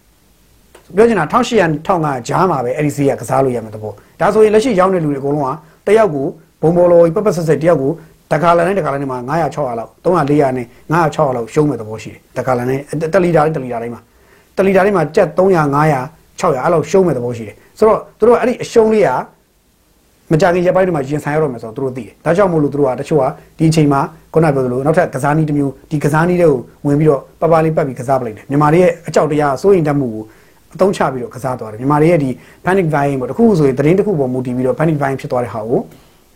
အသုံးချပြီးတော့ခုနတစ်ချက်ကလေးကစားသွားတဲ့အချိန်မှာသူတို့သူတို့ကတော့ပတ်စံဆင်ပြီးသွားတယ်။မြန်မာပြည်သူတွေကတော့ပတ်စံတုံးကြီးပိုက်ပြီးတော့ပုံပေါ်လောပေးလိုက်မိတယ်။အဲ့တော့ကျွန်တော်တို့ပြည်သူတွေရဲ့ဘဝဘာနဲ့သွားတူလဲဆိုတော့ဟိုဟိုကျွန်တော်တို့ပြည်သူတွေကိုလူလဲကြပြီးတော့ပပနဲ့နဲ့လူလဲကြပြီးတော့ကျွန်တော်တို့ပြည်သူတွေပေါ်နေခုံသွေးဆုပ်တဲ့အဲဝိသမလောဘသားတွေရဲ့လှည့်စားခြင်းမျိုးစုံခံခဲ့ရတယ်ခံရတယ်လို့ပြောချင်တာပြီးတော့ကိုဗစ်လိုဟာမျိုးပြီးခဲ့တဲ့ကျွန်တော် panic buying နဲ့ပတ်သက်ပြောမယ်ဆိုရင်ကိုဗစ်တုန်းကလည်းကျွန်တော်တို့အားလုံးသိတဲ့အတိုင်းပဲလူတွေကြောက်လန့်ပြီးကြက်ဥတွေပြုံတိုးဝဲကြက်ဥစီပြန်မကြတော့ဘူးပြန်မကြတော့ အစားတော့တွေပြုံတိုးဝဲအဲ့တင်သွားတဲ့ဈေးတက်သွားတဲ့ဈေးတစ်ခါပြန်မကြတော့နောက်တစ်ခါအဲ့ဒါပြီးသွားတော့နောက်တစ်ခါဘဏ်ကိစ္စလဲပန်းဟိုဘယ်လိုခေါ်မလဲဟိုပန်းဘိုင်းတွေမှာပါတာပေါ့ဗျာသူကဘဏ်ကိစ္စလဲပတ်စံတွေမရှိတော့ဘူးဖះရွှေတွေပါခွာကုန်ကြပြီဆိုလန့်ဖြန့်ပြီးဟိုဝိုင်းတိုးတာအဲ့ဒါကိုဝိုင်းထိန်းနေကြက်လိုက်တော့ခုနကပြောဆိုကိုပတ်စံကိုအဲ့လိုပါဖြစ်တော့ကိုပတ်စံကိုပြန်ထုတ်လို့မရတော့ဆိုလန့်ဖြန့်ပြီးတစ်ခါထပ်ပြီးတော့ရာခိုင်နှုန်းပေးစားတဲ့အုပ်စုကိုသွားစားတယ်သွားလုပ်တယ်ရာခိုင်နှုန်းပေးစားတဲ့အုပ်စုကလည်းတသားလေးပဲသူကပေးပြီးကစားသွားတယ်ပပလေးပဲရှင်းရှင်းလေး ပတ်စံနေတာဘန်ထဲမှာမရှိတော့ပါဘူးဆိုရင်တို့အဲ့လိုဘန်ဘန်ချင်းပတ်စံချင်းတော့တို့လက်ခံမလားဗျာအဲ့ဒါလည်းအခြေခံမစင်စားဘဲနဲ့ကြောက်လန့်ပြီးတော့အသက်တန်ပြေထုတ်ကြလူရှိတယ်တကယ်လို့လို့ထုတ်တယ်လူရှိတယ်အဲ့ဒီမှာဘာဖြစ်ကုန်လဲဆိုတော့အဲ့ဒီပုံမှာယာရင်တို့ဆွတ်စားသွားတဲ့အုပ်စုကတခါပေါ်သွားပြန်တယ်ဆိုတော့ပြည်သူပဲခံရတာပါနောက်ဆုံးတော့ဘာလဲဆိုတော့ကိုယ့်ဘက်လှည့်လဲဟိုကျွန်တော်တို့စကပုံးလေးရိုင်းထူပြောချင်ပါတယ်ဟိုဖိန်လှည့်လို့မရခေါင်းလှည့်လို့မရဘူးအဲ့လိုဖြစ်နေကျွန်တော်ပြည်သူကဖိန်လှည့်လဲဖိန်ချမှာခေါင်းလှည့်လဲခေါင်းချမှာဆိုအကွက်ဖြစ်နေအဲ့တော့ခေါင်းလှည့်လဲခေါင်းတော့မချဘူးပေါ့ဗျာသိတယ်မလား အဲ့တော့ကျွန်တော်ပြည်သူကဘဲမှလည်းမလဲရဘူးရှင်းတော့တော်များပတ်ချလဲဘယ်သူမှမလဲရဘူးအကုန်လုံးဥတိုက်ပြီးရှ िख ိုးနေရတဲ့ဘဝရောက်တယ်အဲ့တော့ကျွန်တော်ပြည်သူတွေပဲခံနေရတဲ့ဘဝကိုသွားတွေ့ရတယ်ဆိုတော့အာစီးပွားရေးသမားတွေနိုင်ငံရေးသမားတွေနောက်ဒီဒီဘယ်လိုခေါ်လဲနောက်တကတချို့ဟိုလူလူကိုအသုံးချပြီးတော့လှည့်စားခြင်းတဲ့သူတွေဒီလူတွေရဲ့ကစားကွက်ထဲမှာလူလူကလူလိုက်ကစားနေရတဲ့ဘဝရောက်သွားတယ်ပြီးတော့ Facebook ပေါ်ကနေပြီးတော့ ပြန့်နှံ့လာတဲ့သတင်းတွေပေါ်လူလူကလည်းအယုံကြည်လွယ်တဲ့ခါကျတော့သတင်းတွေပေါ်စားသုံးတာအယုံကြည်လွယ်တဲ့ခါအဲ့သတင်းတွေရဲ့အစိတ်အသက်မှုဒဏ်ကိုခံပြီးတော့လူလူကကိုရှာထားသမျှကျွေးနေစားလေးတွေပုံပေါ်လောနဲ့သူများလက်ထက်ကိုပြီးလိုက်ပြီလို့ဖြစ်သွားတယ်ဆိုတော့အဲ့လိုတော့ဖြစ်သွားတာတွေ့ရတယ်ဆိုတော့ဒီကြားထဲမှာတော့ဒီစီကိစ္စရဲ့ကြားထဲမှာနောက်ကွယ်မှာတော့မြုပ်နေတဲ့နောက်ထပ်အများကြီးကြောက်ရည်အများကြီးရှိနေပါသေးတယ်အာ73စီအသင်းဘက်ကလူတွေနဲ့ဒီဒီဝင်းကြီးစနာလူတွေဆွေးနွေးတဲ့အခါမှာတော့ရှင်းရှင်းပြောရရင်တော့ကျွန်တော်နောက်ဆုံးသိရတဲ့အချိန်73စီယုံကြည်စိတ်ချရတဲ့73စီလုံငန်းရှင်တယောက်စီရင်ကျွန်တော်ပြန်သိရတဲ့အခါကျတော့ ဟိုကနောက်ဆုံး warning ပေးထားတယ်လို့သိရတယ် warning ဆိုခင်ဗျားတို့စီစည်းကို short မလားမ short ဘူးလားချမလားမချဘူးလားခုတရက်နဲ့ဒီတရက်နဲ့တွင်စလိုက်ဖြည်းဖြည်းချင်းတစ်ဆင့်ချင်းချပေးသွားမချပေးသွားရင်တော့တကယ်တမ်းဟိုကနေအပြုံလိုက်အခုံလိုက်ဝင်လိုက်ခင်ဗျားတို့ဘုံဘလောကုံသွားလိမ့်မယ်အဲ့တော့ခင်ဗျားတို့စီစည်းချစီကိုမှန်မှန်ကန်ပြည့်ပြည့်မှန်ထုတ်ရအောင်ဟိုစီဆိုင်ပိတ်တယ်တွေဘာဖြစ်တယ်ကျွန်တော်မကြားချင်ဘူးပြည်သူလူထုရိုးရိုးရှိုးရှိုးဖြစ်တာကျွန်တော်မကြားချင်ဘူးလက်ရှိစီစီတိုင်းမှာရောင်းလို့ရတယ်ပြီးရင်တနေ့နည်းနည်းနည်းနည်းရှော့ရှော့ရင်းနဲ့ကိုယ့်ဘက်ကစီဝင်လာတဲ့အချိန်မှာခင်ဗျားတို့ဟိုဘက်စီဒီဘက်စီနဲ့ညီမျှလောက်ဖြစ်သွားမယ် ဖြည်းဖြည်းဖြည်းချင်းညီသွားတယ်ပေါ့ဗျာဟိုဘက်လာတဲ့စီဒီဘက်စီနဲ့ညီသွားတဲ့အချိန်ရောက်သွားရင်တော်တော့ရပြီအဲ့လိုဆိုခင်ဗျားတို့အဲ့လိုတော်သိပြီခင်ဗျားတို့ရှုံးနေဆိုတဲ့စကားတော့မပြောနဲ့ဆိုတဲ့ဘာမျိုးပေါ့ဗျာအဲ့ဒါမျိုးပေါ့ရှုံးနေဆိုတဲ့စကားတော့မပြောနဲ့ဘာလို့ခင်ဗျားတို့ရှုံးနေဆိုတာကြီးစရာကြီးလေရှုံးနေလို့ပြောတာဘာရှုံးတာလဲကျွန်တော်မသိဘူးအဲ့တော့ဟိုအဲ့လိုပြောရတဲ့နောက်ဆုံးမှချက်ချင်းဆိုညနေဆောင်လုံးပါပဲတဲ့အာဟိုမှာပြည့်ပြရောင်းနေပါပြီဒီမှာပြည့်ဝရောင်းနေပါပြီပြန်ရောင်းနေပါပြီဆိုပြီးကြီးညာချက်တွေဘတ်ဘတ်ဘတ်ဆိုထွက်လာဓာတ်စီထွက်ချလာတယ်ဆိုတော့အဲ့ဒီဟာတွေကျွန်တော်တို့ဒီမြုံကြီးစိတ်ချရတဲ့ဟိုကျွန်တော်သတင်းရင်းမြစ်စီဝေးမှာရှိတဲ့စီဝေးသတင်းရင်းမြစ်ချို့စီကျွန်တော်ပြန်ချရပါတယ် ပြန်ချရတော့အဲ့တော့လောလောဆယ်တော့ကျွန်တော်ပြည်သူကတော့လောလောဆယ်တော့စီကိစ္စမှာတော့လှိမ့်ပိတ်ခံလိုက်ရတယ်ဒီနေတနေကင်းမှာတော့အလိန်ခံလိုက်ရတယ်ပေါ့ဗျာအဲ့တော့အလိန်ခံလိုက်ရတဲ့အချိန်မှာအလိန်ဟိုကောမဲဖန်နီဗိုင်းနဲ့တဲ့တိုးသွားပြီးတော့ဟိုဟိုဦးလေလေဖြစ်ပြီးတော့စိတ်တော်ဘူးဒူဘူးဒူနဲ့တက်တတာရေးနေတဲ့တယောက်ကတော့တက်တာရေးနေတဲ့ဟိုဝင်းကြီးဟောင်းတယောက်တော့ရှိတာပဲသူလည်းဝင်းကြီးဟောင်းဖြစ်ခဲ့ဘူးတယ်ဒါပေမဲ့ အဲဘာဖြစ်နေလဲတော့မသိဘူးသူလည်းအပြူတူပဲအသေးတန်အမှထပြီးတော့အကွက်တွေ့ပြီးကွာခွင်တွေ့ပြီးဆိုဝင်စော်တာပဲသူလည်းစော်ပြီးရေးတာတွေ့ရတယ်အစိုးရလက်ရှိနားဆက်ကောင်တီးထိတာပဲတကယ်တော့နောက်ကွယ်မှာကစားရတဲ့အုပ်စုရှိရဆိုတော့သူဝင်ကြီးဖြစ်ခဲ့ဘူးလို့သူသိတယ်ဒါပေမဲ့အဲ့ဒီအုပ်စုကိုသူကဟိုကလကာချလိုက်တယ်အဲ့အုပ်စုကလကာအုပ်ထားပြီးတော့ဒီဘက်ကအုပ်စုပဲဒီဘက်ကိုတကားလေးလှပ်ပေးလိုက်တယ်မင်းတို့ဒီဘက်ကိုဆဲရမှာဟောဆိုတော့ဟိုအဲ့လိုမျိုးပေါ့ဗျာဆိုလိုတာသူလည်းအဲ့လိုရေးတော့ကျွန်တော်လည်းအဟောတော့ဩသူဝင်ကြီးဖြစ်ခဲ့ဘူးတယ်ဒီအကြောင်းကဒီခင်းချင်းနေဒီအကွက်ကိုရွှေ့ရင်ဘယ်အကွက်ကိုရွှေ့တာဆိုတာ check တိုးနေသူလို့ပြောမယ်ဆိုရင်ဗျာ check တိုးတဲ့ကစားတဲ့သူလို့မျိုးလက်ရှိသွားခင်းသွားတဲ့ခင်းချင်းက check ကစားသူလို့မျိုးခွာချက်ချက်သွားတာကိုသူမြင်လေသားနဲ့ဘယင်မကြာရင်ကြာမကြာရင်တေးကြရရထားကြမယ်အကွက်ကြီးခွာချက်ကြီးချက်ထားတာအဲ့တော့ခွာချက်ကြီးချက်တာတိတိနဲ့ဟိုဒါကြီးကိုသူမသိကြအောင်ဆောင်ပြီးတော့ဟိုသူလှလှပါလေးပတ်ပြီးတော့ချင်းထက်သက်ရှူသွားတာကိုတွေ့ပြီးတော့ကျွန်တော်ကြည့်ပြီးတော့ပြုံးမိပါတယ်ဘာလို့ဆိုတော့သူသူတို့အဲ့လိုတွေ့တော့အော်သူတို့လူတွေအောင်ဒီလိုရေးမှာတော့အေးပေါ့လေဒါလည်းကြီးစရာကောင်းပါတယ်ပေါ့ပြုံးစရာတော့ကောင်းပါတယ်ပေါ့ ဒါပေမဲ့ကျွန်တော်ကလည်းသူ့နဲ့ပတ်သက်လို့ရှိရင်သိထားတဲ့ခါကျတော့ကျွန်တော်လည်းထပ်ပဲပြုံးပါတယ်ထပ်ပဲပြုံးဒါပေမဲ့သူတို့အောက်မှာတော့ဘာကောင်းမှကျွန်တော်တော့မရေးလိမမရှိတော့မရေးတော့ပါဘူးဘာလို့ဆိုတော့ရေးလေကျွန်တော်ကမှဖြတ်ခံနိုင်ရရှိတယ်တော့မကြီးတာကောင်းတယ်ဆိုထားလိုက်ပါတယ်เนาะအဲ့တော့ဘာပြောကျွန်တော်နိုင်ငံပြည်သူတွေကတော့ဒီစီဒီနေ့စီကိစ္စမှာတော့ပြည်သူတွေရဲ့ပတ်စံတွေဟာတရားသည်ဖြစ်စေမတရားသည်ဖြစ်စေအဲ့ဒီစီးပွားရေးလုပ်ငန်းရှင်တွေရှိကိုဘုံဘော်လောတိုးဝင်သွားပါတယ်စီးပွားရေးလုပ်ငန်းရှင်တွေထောင်ချောက်ထဲကိုဝင်သွားပါတယ်ပြီးတော့ကျွန်တော်ပြည်သူတွေကကျွန်တော်ဟွာလေးနဲ့သွားတူတယ်ဗျ ကျွန်တော်ပြည်သူတွေကဘာနဲ့သွားတူနေလဲဆိုတော့ဒီဒီဟိုပုံမြင်လေးတွေကျွန်တော်တို့ငယ်တုန်းကတင်ခဲ့တဲ့ပုံမြင်လေးတစ်ခုရှိတယ်ဗျမိုးပြိုပြီးလို့ထင်တဲ့အထင်နဲ့ထပြေးတဲ့ယုံတငယ်နဲ့ဒီ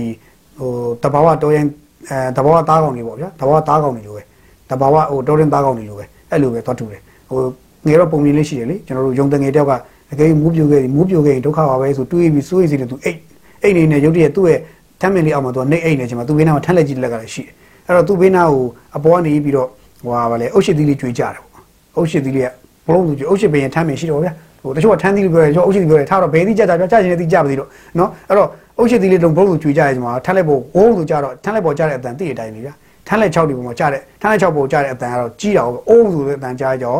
ယုံတငယ်ကလှဲ့မကြည့်တော့ပြီးတာတမ်းပြီးမိုးပြိုပြီးဆိုပြီးတာသူပြီးတာမြင်တော့တော်ရဲထဲမှာရှိတဲ့ ဟိုအကုန်လုံးကသူပြီးတာမဟဲ့ကိုယုံဘာဖြစ်လို့ပြီးတာဆိုအာမသိဘူးအိုးဆိုအတန်ကြောက်လို့ပြီးတာဟာပြေးဟေးဆိုကိုယုံပြေးနေပြီပြေးဆိုမြင်းနေရပြေးနွားတွေကပြေးဝက်တွေကပြေးခွေးတွေကပြေးအကြောင်တွေကပြေးအတော်ထဲမှာရှိတဲ့တရဝါအကုန်လုံးကကိုယုံပြေးနေတော့လိုက်ပြေးတာယုံကရှိတဲ့တန်းစီပြေးနောက်ကလိုက်ပြေးဘသူမေမေပြေးဟေးပြေးဆိုတာနဲ့ပဲအကုန်တန်းစီပြေးတာပြေးကြတာပြေးပြေးနောက်ဆုံးချင်းသေးမင်းကြီးကဒီဒီဖះလုံးချင်းသေးမိပါအဲ့တော့ तू ကချင်းသေးမင်းကြီးအဲ့နေရာနဲ့ရုတ်တရက်ဟိုးစူညံနေကြဘာဖြစ်လို့လဲဆိုပြီးတော့